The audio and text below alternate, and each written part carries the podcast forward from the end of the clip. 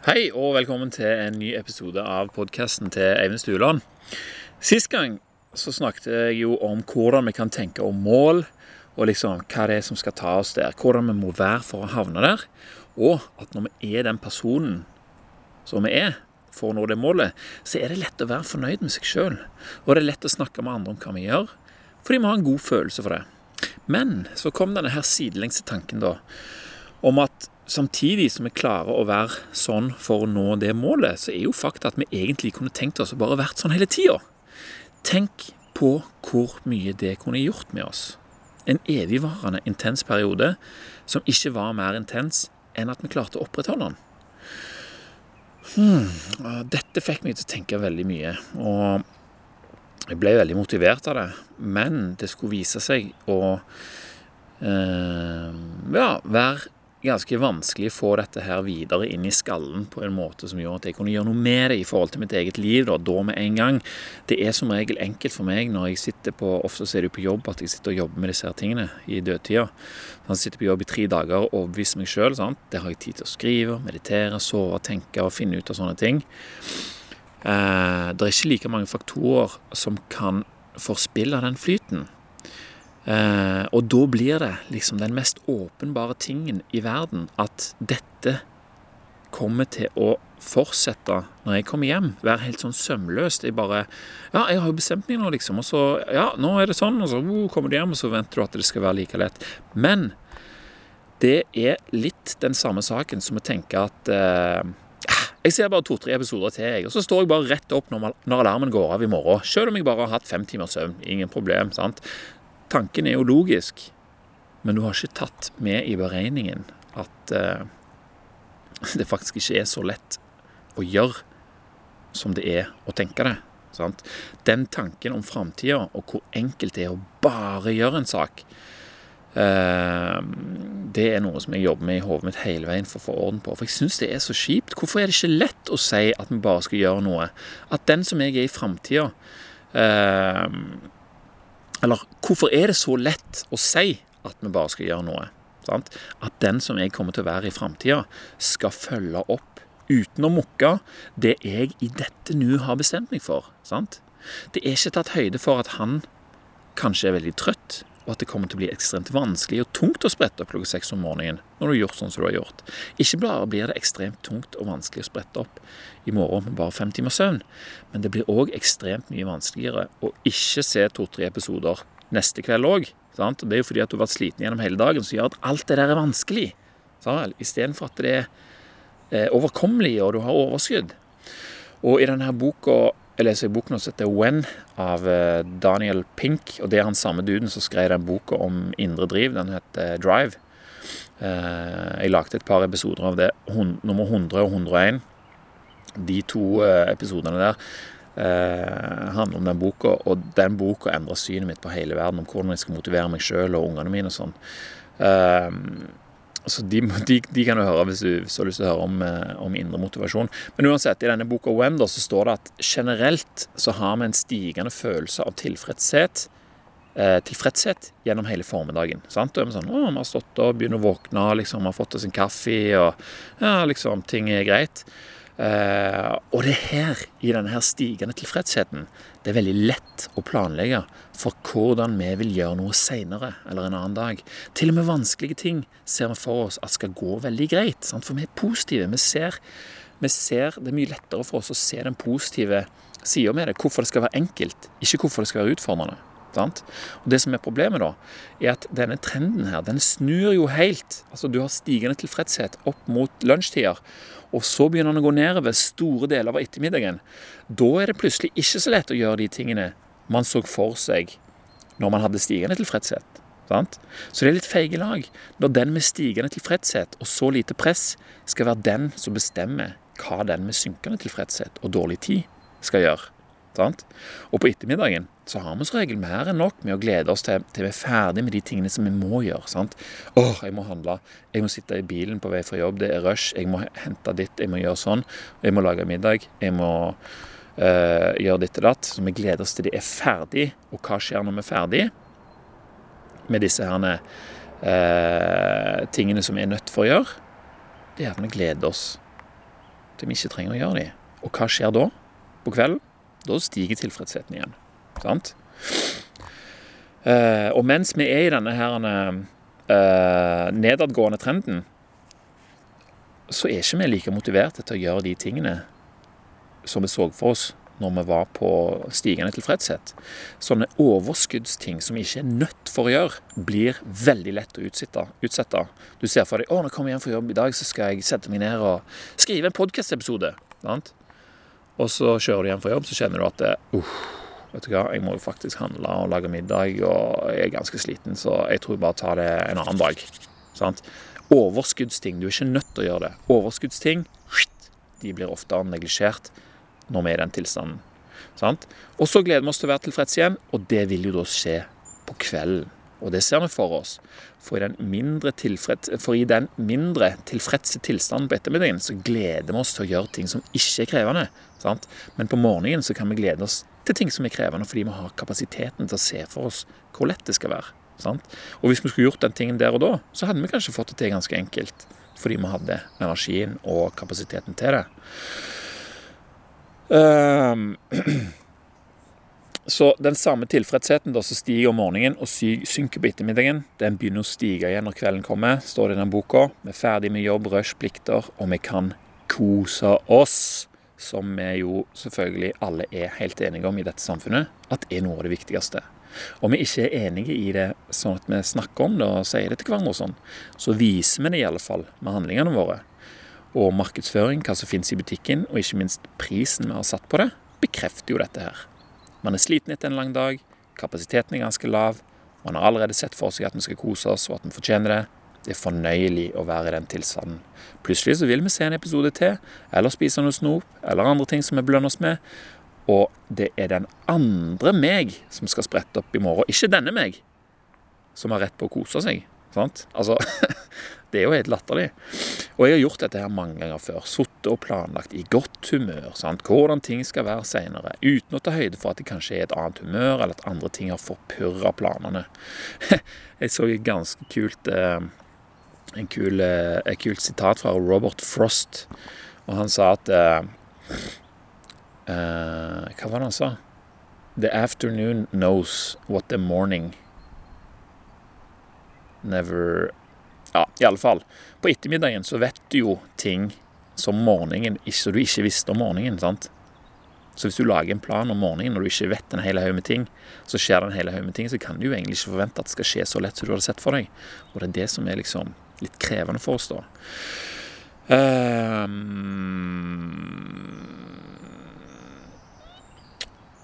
så jeg vet jo at med å sitte og på en måte jeg vet jo at det ikke tar meg dit jeg vil, å sitte og syte over at ting ikke går etter planen. sant? Det, det, går jo ikke.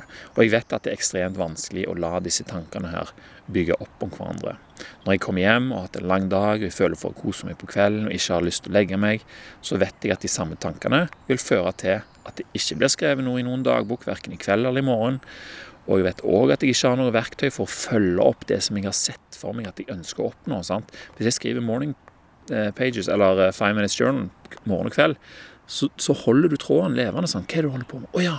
Og det var sånn som jeg sa sist gang. Hvis du gjør noe i ti minutter en dag, så er den tingen oppi hodet ditt i fem døgn.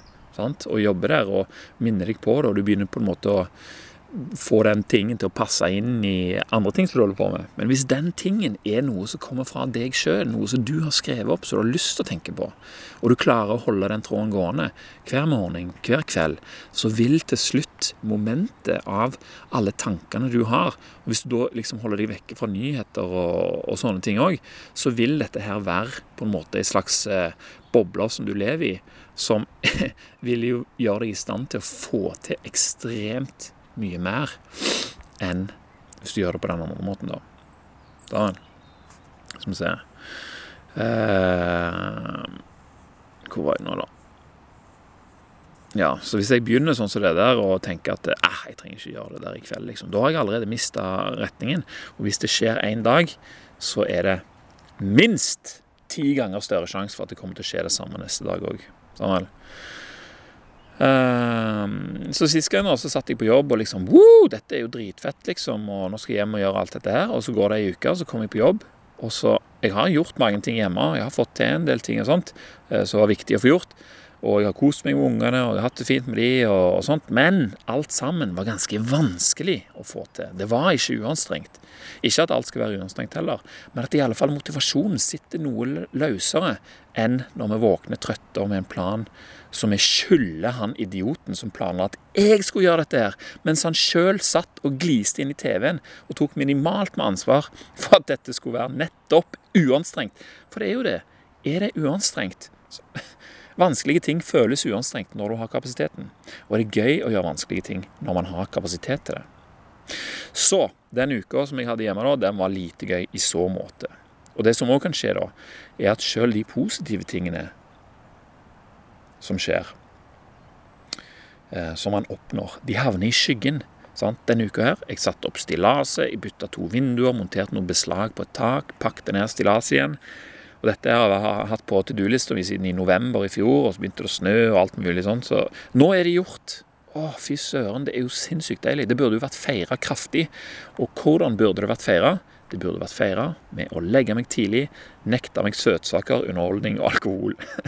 Istedenfor så brukte jeg både søtsaker, underholdning, lite søvn og alkohol til både å feire og til å bedøve meg sjøl fra det ubehaget over at jeg måtte slepe meg til å utføre. Vel? Det gikk, men det kosta mye mer enn det kunne ha kosta om jeg ikke gjorde disse tingene eh, som gjør det så mye vanskeligere å fokusere, og som gjør det så mye vanskeligere å motivere seg sjøl, og som oppi det hele skaper enormt mye tanker om at det er leit at man gjør dette, at det fins andre ting man heller vil gjøre, og at det til syvende og sist er synd på meg som er i denne situasjonen.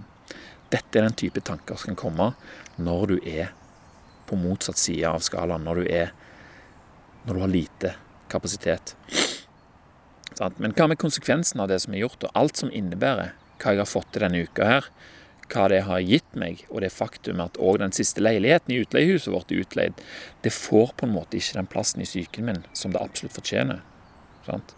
Hvis jeg hadde klart denne her sømløse overgangen fra en tilfreds og motivert kar som sitter på jobb, til å fortsette å være en tilfreds og motivert kar når jeg kommer hjem, så ville denne uka vært helt annerledes. Sant? Men heldigvis så merka jeg i morges da jeg skrev morgensidene mine, at selv om jeg har hatt det utfordrende denne uka der, så har jeg tilbrakt mye kvalitetstid sammen med ungene. På et eller annet merkelig vis så er det mye enklere for meg å være sånn som jeg vil når jeg er med de ungene. Det er akkurat som en sånn fri Det er akkurat som jeg har fri, på en måte. Med voksne så er det helt annerledes. Jeg vet ikke hvorfor, jeg har ikke peiling. Men kanskje det har med at sant, Så begynner du å tenke da hmm. Og nå tenker jeg at kanskje er det det at Ungene er på en måte i stand til å forstå ting med en gang når de hører det på og får en logisk forklaring. De er ikke nødt til å først overbevises om at deres gamle oppfattelse av hvordan ting er, ikke er like nyttig som en ny kan være. Og jeg syns at det er slitsomt å overbevise folk. Ikke hvis du har engasjerte folk som faktisk lurer på det som de lurer på, men voksne folk som ikke egentlig vil gjøre det som de gjør, men de maser likevel. Og når de ser hva du gjør, så er det nesten uunngåelig at det kommer noen spørsmål med en agenda som på et eller annet vis skal berolige de med at det, eh, du gjør, er unødvendig eller feil. Sant? Og Hvis de kommer til den konklusjonen gjennom spørsmål til deg, så betyr det én ting for de etterpå som er veldig herlig for de å tenke på.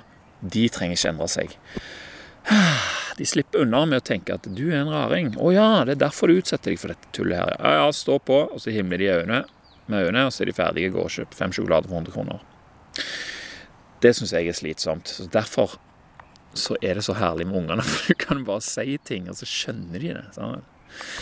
Uansett. Det var en liten digresjon, men det har litt med dette her å gjøre, eh, det òg. For Eh, de er òg mye enklere for å endre oppførsel og tankemønster basert på en logisk tanke som blir pakket inn i en fortelling. Sant? Og Hvis min kapasitet er lav, så er det krevende når folk ikke forstår en logisk retning som er soleklar for meg. Da blir det veldig sånn frustrerende. Og det er enda mer krevende å forholde seg til at vi må gjøre noe i fellesskap som er mindre logisk og mer krevende enn det som du ser for deg. Bare pga. at noen andre må gjøre det på ting på sin gamle måte, for de forstår ikke din. Sant? Fordi deres gamle måte det føles mye tryggere enn en ny måte, som er bedre. Og alt dette her, sant, det foregår jo oppi hodet. Og det er ingen problem å forklare folk ting når du har overskudd og sånne ting, men om du er litt på lowen, så blir det bare øh, Det blir så kjedelig. Så kommer det all slags sånne drittanker som gjør at eh, ting blir vanskeligere, da. Men samtidig så vet jeg jo at det er det vi gjør. Vi lager oss passende fortellinger om det som har skjedd. Samuel, det er jo det disse folka her òg gjør. De er, det er i etterkant. Alt skal forklares logisk og passe med følelsene eh, som jeg har. Jeg eksempel, har jo tenkt denne uka her at var, det var en feil. Jeg hadde så drittfølelse når jeg dro på jobb. bare sånn, dette gikk jo i dass, liksom. Så vanskelig, så mye styr, så lite ble gjort, så lite resultat. Alt var slitsomt. Jeg fulgte ikke opp med det jeg hadde, jeg hadde sett for meg i forkant. Skuffa. Dette var waste. Men hvis jeg forteller meg en annen historie, at jeg var sliten og demotivert, men allikevel klarte jeg å scratche flere ting av to do-lista mi som har vært der i månedsvis. Vi har økt vår passive inntekt med flere tusen kroner i måneden i uoverskuelig framtid. Jeg har hjulpet Ask og en kompis for eksempel, med de hadde lyst til å ha en sånn 20 timer eh, på trampolinen-challenge og pist i flasker og alt mulig. Det var dritkult. Og jeg har vært på camping i parkeringsplassen ved siden av huset i camperen med ulver og fulgt den opp med 100 000 bamser og bare hadde det dødsnice. Og morgenen har vært nice med familien og sånt, eh, ikke minst. Eh, og så har jeg tenkt mye på hvorfor ting er sånn som de er. Hvorfor, hvorfor ble det sånn som dette er, og hva kan jeg tenke meg å gjøre med det. Sånn. Da har du en helt annen historie som det er mye lettere å jobbe ut ifra i forhold til den der at du bare er skuffa, på en måte. Eller er lei deg, eller hva du skal kalle det for at du ikke har fått til det som du tenkte. da.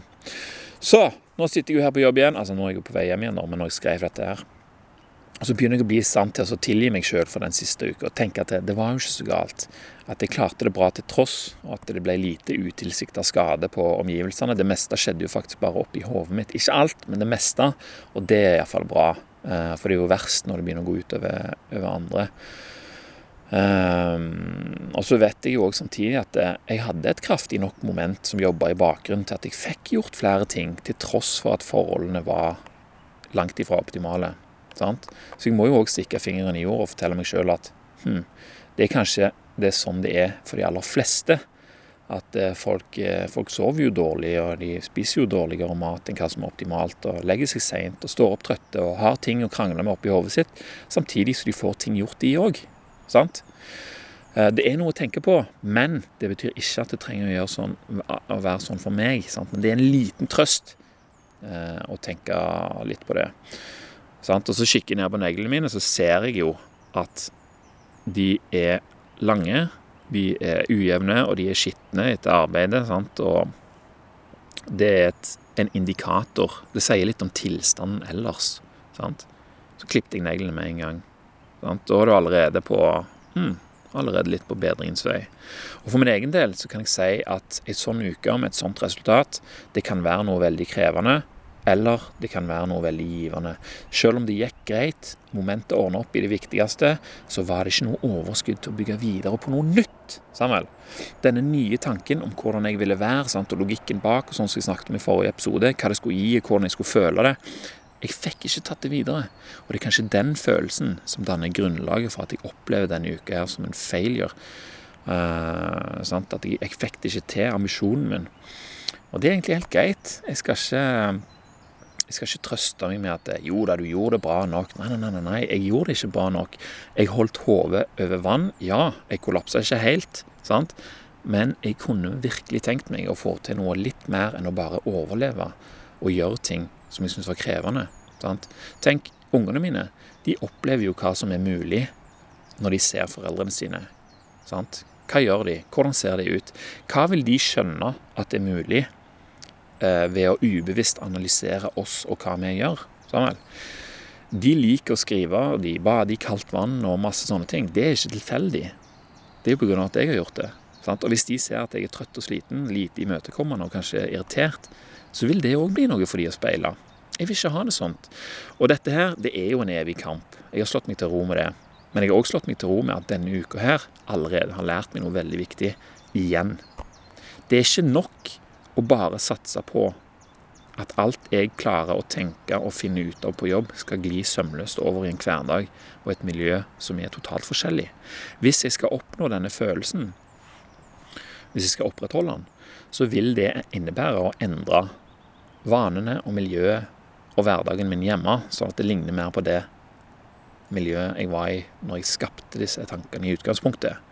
Og det innebærer å feire både hverdag og prestasjoner utenom det vanlige med å legge seg tidlig og spise sardiner. Sant? Det innebærer å tenke, lese og skrive som min form for underholdning. Det er det som skal gi meg den følelsen av tilfredshet. Det er det som gir meg overskuddet til å være sånn som jeg vil. Sant? Og det er et av de største ankepunktene til de fleste som skal um, ha ambisjoner om å gjøre noe som tilsier at de må endre hverdagen. Du må gi slipp på noe. Sant? Du må tape noe av dette. Men hva taper du egentlig da av å se på TV? Du taper nesten ingenting. Hva vinner du av å skrive morgensider? Du vinner sinnssykt mye. Hva taper du av å spise sjokolade? Ingenting. Hva vinner du av å spise sardiner og være i ketose og drive med periodisk fasting? Helse. Sant? Altså, det er bare sånn du må vri hodet. Hvorfor skulle vi ikke bare gjøre det hele tida? Hvorfor ikke? Det er jo sånn det vil være. Iallfall jeg. Så allerede etter ett døgn med disse her tankene så føltes jo alt mye bedre, da. Men det føltes jo òg lett når jeg reiste for jobb sist gang. Det må jeg ikke glemme. Men så kan jeg liksom, sånn som nå, kan jeg se på neglene mine sånn Yes, de er korte, de er jevne, og de er rene. Det betyr noe. Det skal minne meg på at det er sånn jeg vil ha det. Det er sånn jeg vil være. Priming kaller Tony Robbins det. Og det er jo det jeg driver med alltid når jeg går og henter vann og går og gjør sånne småting hele veien. Eh, som gjør at jeg minnes på hva slags moment jeg er på. Akkurat som Five Minutes Journal, når jeg er innom der, så skriver jeg det jo faktisk. Men alle handlingene som jeg gjør underveis der av eh, retningen jeg har lyst til å gå, de hjelper med å danne dette her momentet. Og det skjer ting uten at det er krevende. Sant? Så jeg vil drikke mitt eget vann fra bekken, gjorde meg så mye jeg kan, gi meg sjøl fred og ro til å tenke og skrive. Alle de tingene kommer til å bidra til å holde retningen, og alle de tingene tar opp kapasitet som jeg ellers kunne brukt til å se på TV eller spise snop. Sånn Tenk hvor mye mer jeg får ut av det, hvis jeg bare klarer å finne en måte å, å holde det på som er, som er behagelig, liksom. Som er en intens periode som er overkommelig. Han er overkommelig sånn at det, det går an å ha den veldig lenge. Så det er soleklart en av mine største ambisjoner akkurat nå. Eh, det er noe å minne seg sjøl på, at eh, når ting virkelig er så bra som man kunne tenke seg, så fortjener du faktisk å belønne deg sjøl med enda mer innsikt fra skrivinga di, en enda bedre følelse for hva du skal oppnå gjennom meditasjon, et enda friskere og et enda mer aktivt hode om morgenen, og ikke minst at overskuddet kan deles ut til de som er rundt meg. Sant? Og da er det jo bare å fortsette å feire. Ikke med det som tar deg vekk fra ambisjonene og retningen tankene mine holder, men med det som gir meg mer av det jeg faktisk vil ha. Sant? En god følelse av å mestre livet og alle de rollene som jeg har i det. Jeg vil være en god mann, jeg vil være en god far, en bror, kollega. En som er god for meg sjøl å være, ikke minst. En som har overskudd til å lage podkast-episoder som kanskje vil hjelpe noen andre. Og så får jeg heller feire, da, på den andre måten, når det dukker opp en, anledning som tilsier at det er på sin plass. Sånn som i sommer skal broren gifte seg. Perfekt anledning. Jeg skal være toastmaster. Jeg gleder meg spokker. Det kommer til å bli dritkult. Eller når kona mi og meg endelig er på plass i en bungalow på stranda et eller annet sted i Sørøst-Asia i høst. Det er noe annet enn at det er fredag, og at jeg er sliten og syns synd på meg sjøl, og derfor har rett på å spise snop og drikke alkohol. Nei, nei, nei. Jeg skal prøve det beste jeg kan, og vri det til å bli på den andre måten. Den som jeg virkelig liker. Når jeg virkelig liker å være meg sjøl. Så det var det for i dag, folkens. Det var faktisk veldig hjelpsomt, dette. Først tre morgensider for å få dette her på plass, og så rett over i å skrive denne podkast-episoden. Det bidro til, til, å skape et veldig kraftig signal til meg sjøl som det er enkelt for meg og enklere for meg å, å klare å, å, handle etter enn eh, det som jeg gjorde sist helg, når jeg bare kom hjem og tenkte at det skulle gå av seg sjøl. Denne gangen er jeg klar. Det var det jeg lærte av den forrige episoden. Nå skal jeg faktisk gjøre det. Så Jeg fortsetter òg å legge ut episodene av disse her på YouTube. Jeg, og Hvis dere vil høre noen av de episodene der, så vil det faktisk hjelpe meg en del. Og så hjelper det òg enda mer hvis dere har lyst til å abonnere på kanalen med det samme dere er der inne. Um, Er dette liksom Kan du se for deg hvordan denne episoden hadde vært som en video? Hadde det vært noe som var kjekt å se? For jeg leker veldig med den tanken, ser du. Eh, hva tror du? Hvis du har noen tanker om det, send de gjerne til meg på eivinettpodkasten.no. Så har noen tips eller noe du vil si. Ellers òg, så skriv meg en mail. Jeg syns det er kjempekjekt. Eh, på Telegram går det òg an å skrive meg en melding. Jeg legger inn linken i i, eh, under her. Og for de som ønsker å støtte podkasten direkte med å vippse et valgfritt beløp til 40 55 07 37, så kan de det. Og jeg sier tusen takk til alle dere som har gjort det. Og så sier jeg takk for meg, takk for nå, og tusen takk til deg som hørte på nå denne uka her. Jeg gleder meg til å se hva det kommer ut av det, for jeg er veldig motivert og er klar for å gjøre det som skal gjøres. Jeg håper du òg har noe du får til denne uka. Vi snakkes neste gang.